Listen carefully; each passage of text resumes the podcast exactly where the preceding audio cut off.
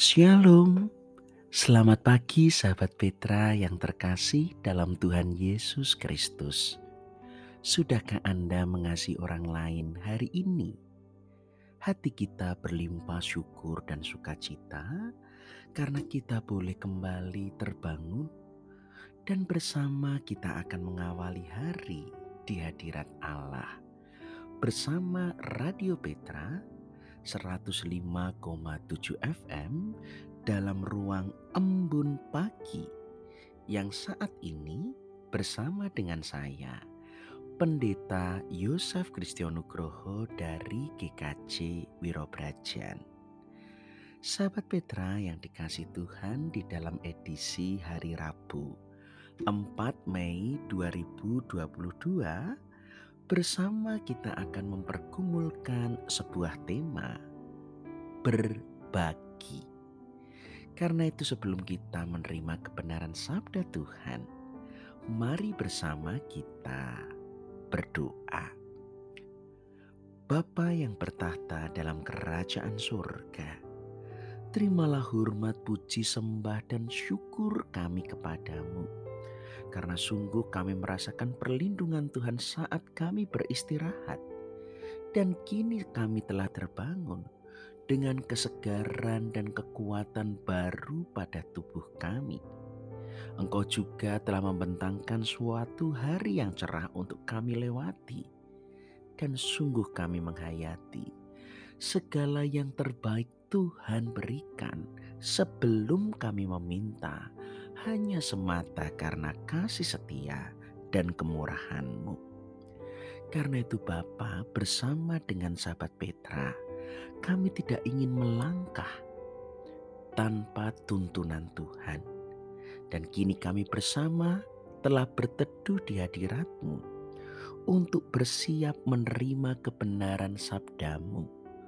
Mari ya roh kudus, kiranya engkau turun untuk membuka hati dan pikiran, untuk menerangi jiwa kami, sehingga kami boleh mengerti kebenaran sabda Tuhan dan menjadi sumber kekuatan bagi kami melewati hari ini dalam tuntunan tanganmu dan menggenapkan segala rancangan Tuhan dalam kehidupan kami.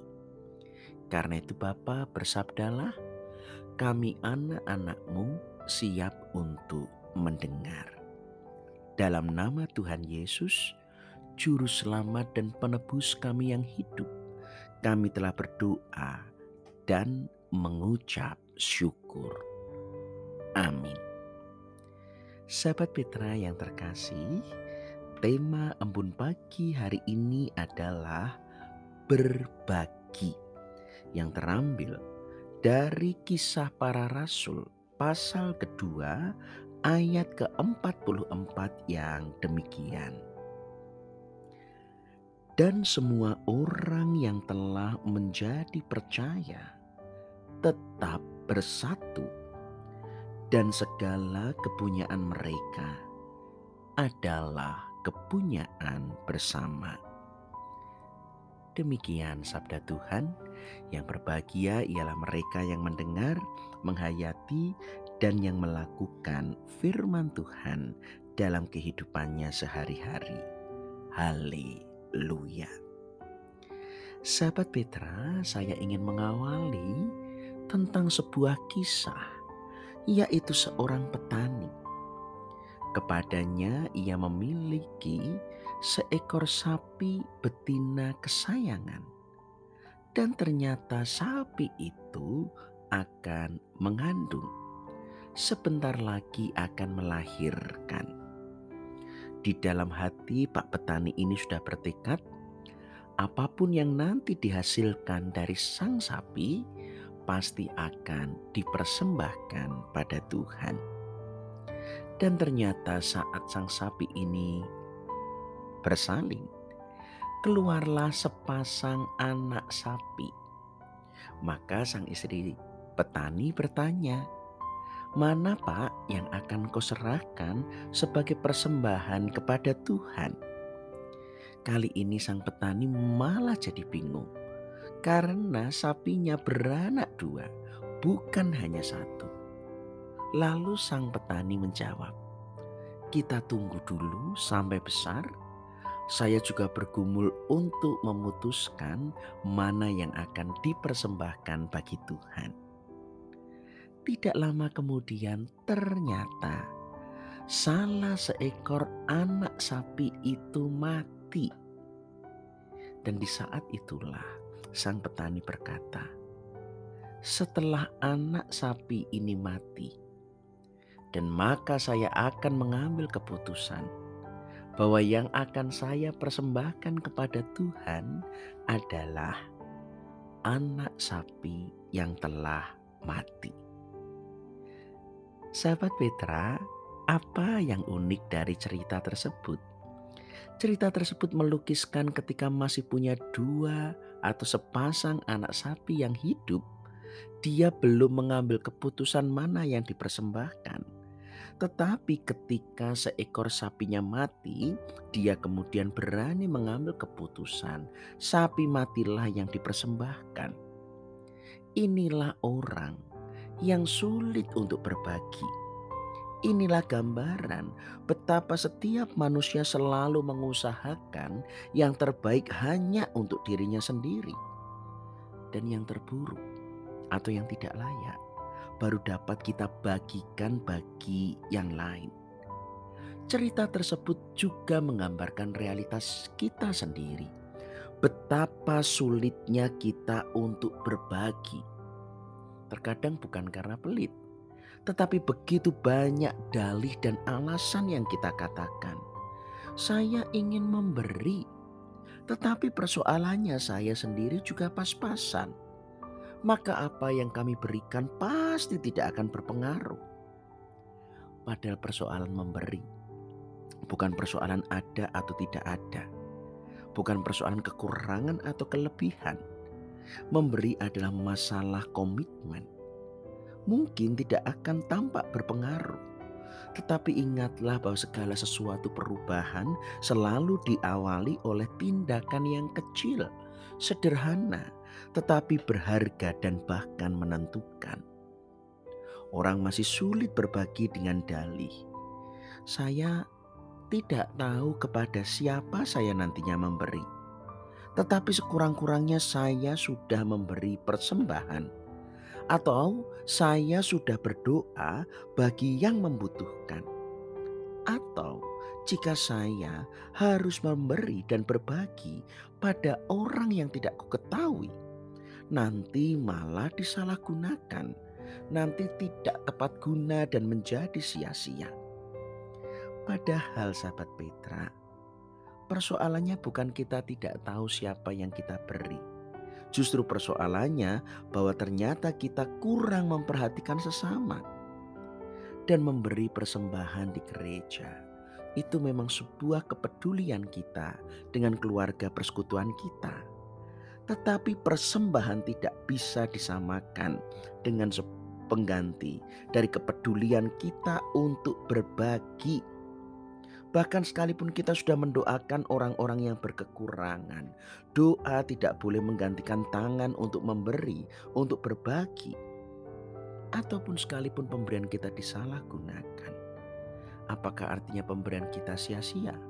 Apakah kita kalau mau berbagi harus menunggu orang bertobat dulu, orang baik dulu, baru kita dapat memberi?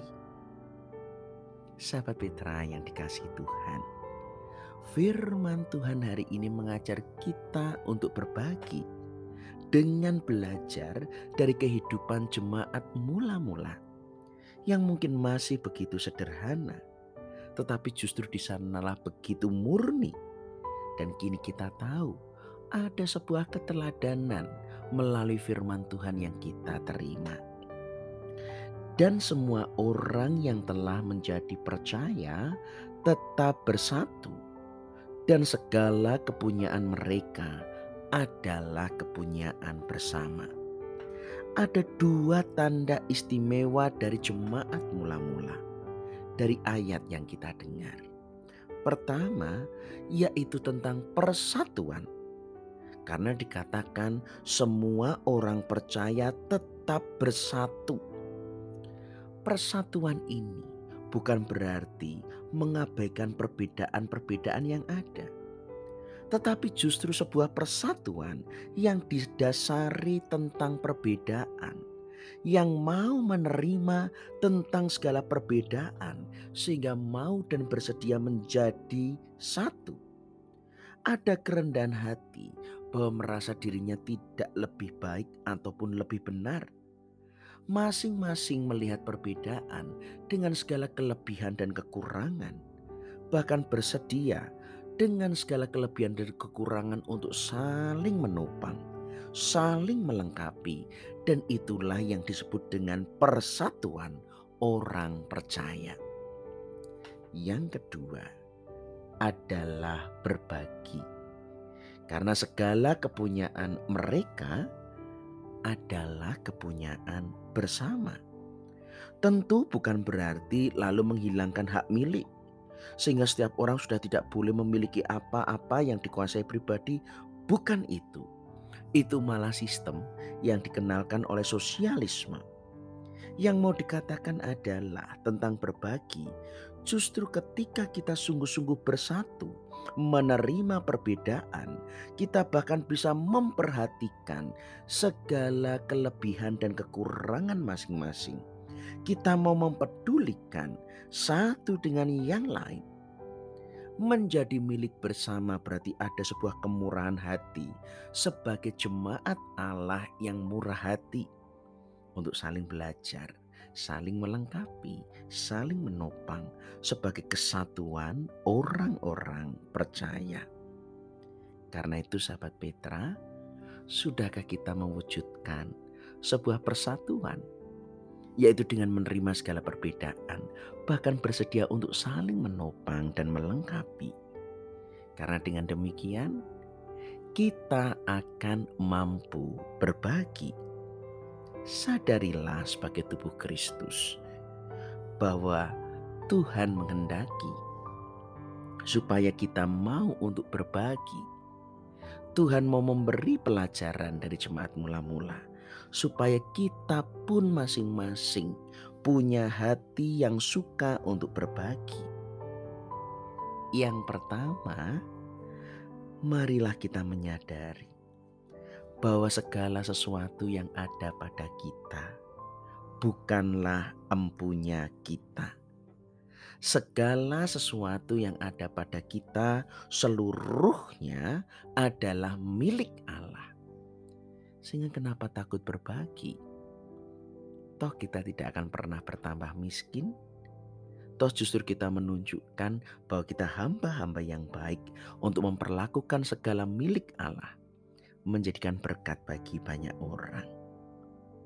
Kedua, supaya kita memiliki hati yang suka berbagi, kita harus menjadi tuan atas harta benda yang telah diberkati oleh Tuhan. Karena sejatinya ketika kita tidak mau berbagi, kita telah menjadi hamba, bahkan menjadi budak di mana sukacita, duka cita kita, semangat dan lemah kita, semua justru karena kita dikuasai oleh harta benda kita. Kita hanya dapat berbagi kalau kita menjadi tuan atas segala harta yang diberkati Tuhan bagi kita.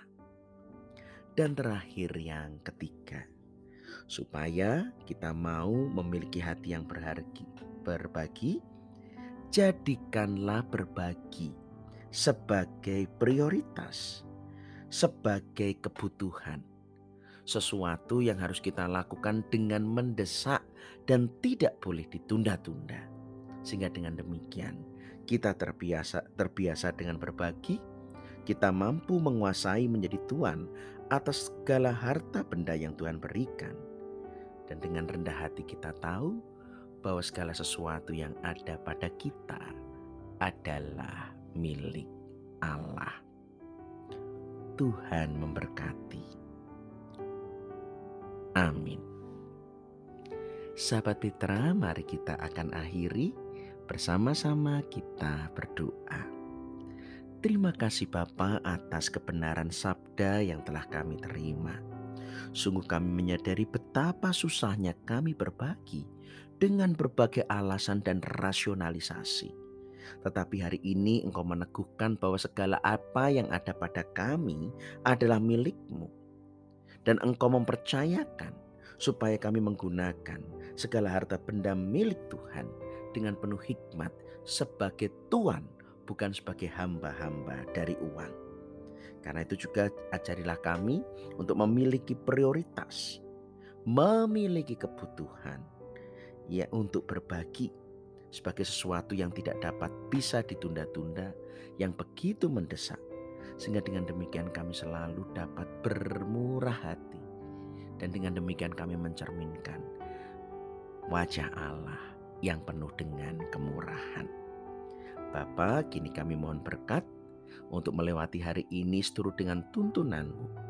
Kami memohon rahmat kesembuhan bagi mereka yang sakit, perlindungan bagi mereka yang berkebutuhan khusus, tuntunan bagi segenap adi Yuswa yang usia lanjut supaya sekalipun dalam segala kerapuhan dan kerentahan, kerentanan mereka tetap dapat bersuka cita, bersyukur, dan penuh dengan damai sejahtera oleh karena tuntunan tangan Tuhan. Ampuni Bapa jika di dalam kebersamaan kami terselip dosa dan kesalahan. Dalam nama Tuhan Yesus Kristus kami berdoa dan mengucap syukur. Amin.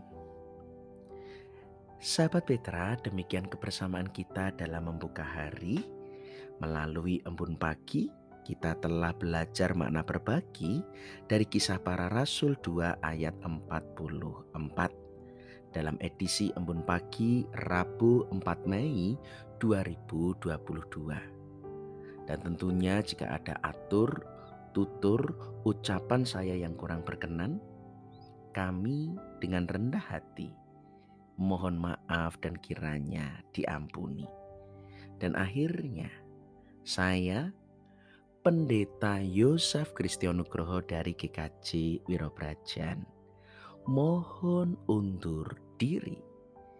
Kiranya kasih karunia Allah Bapa di dalam Yesus Kristus dan oleh persekutuan Roh Kudus menyertai sahabat Petra sekalian hingga kita dimampukannya untuk senantiasa mengasihi orang lain di sepanjang sisa hidup kita.